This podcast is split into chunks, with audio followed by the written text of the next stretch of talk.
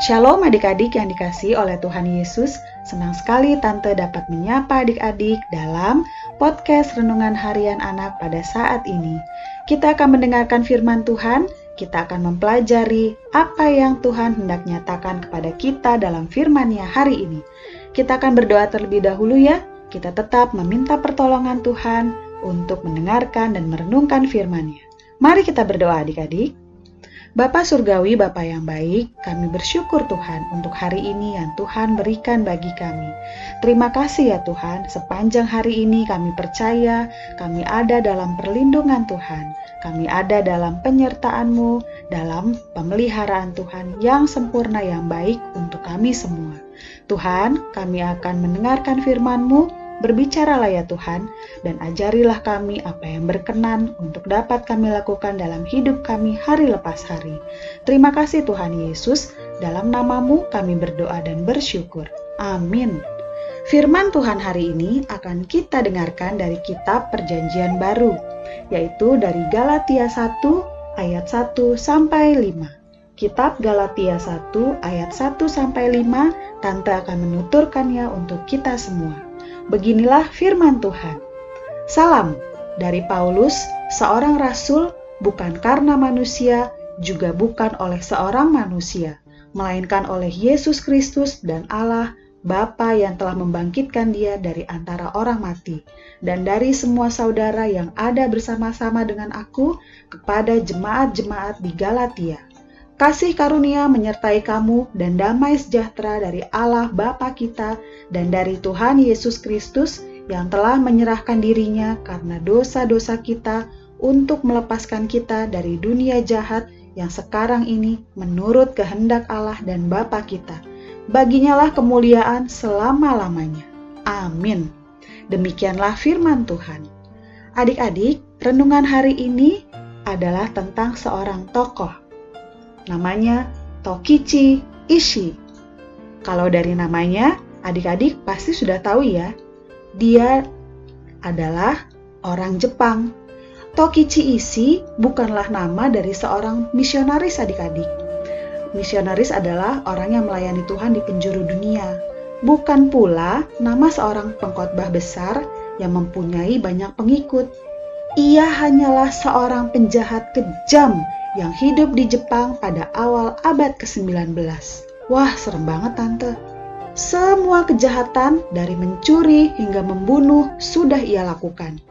Bahkan ada orang lain yang dituduh membunuh, padahal Tokichi lah pelaku sebenarnya adik-adik.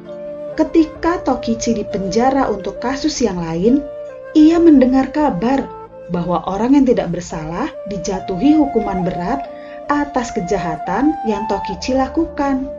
Awalnya Tokichi senang, ini berarti dia akan bebas dari hukuman. Namun ternyata di dalam hatinya masih ada sedikit rasa keadilan adik-adik. Tokichi lalu mengaku bahwa dialah yang bersalah. Namun tidak ada yang percaya. Bahkan pengadilan memutuskan bahwa Tokichi tidak bersalah. Aneh loh adik-adik, Tokichi sangat sedih. Di mana-mana penjahat akan berusaha membuktikan bahwa ia tidak bersalah. Namun Tokichi berusaha mati-matian membuktikan bahwa ia bersalah. Akhirnya ia berhasil adik-adik.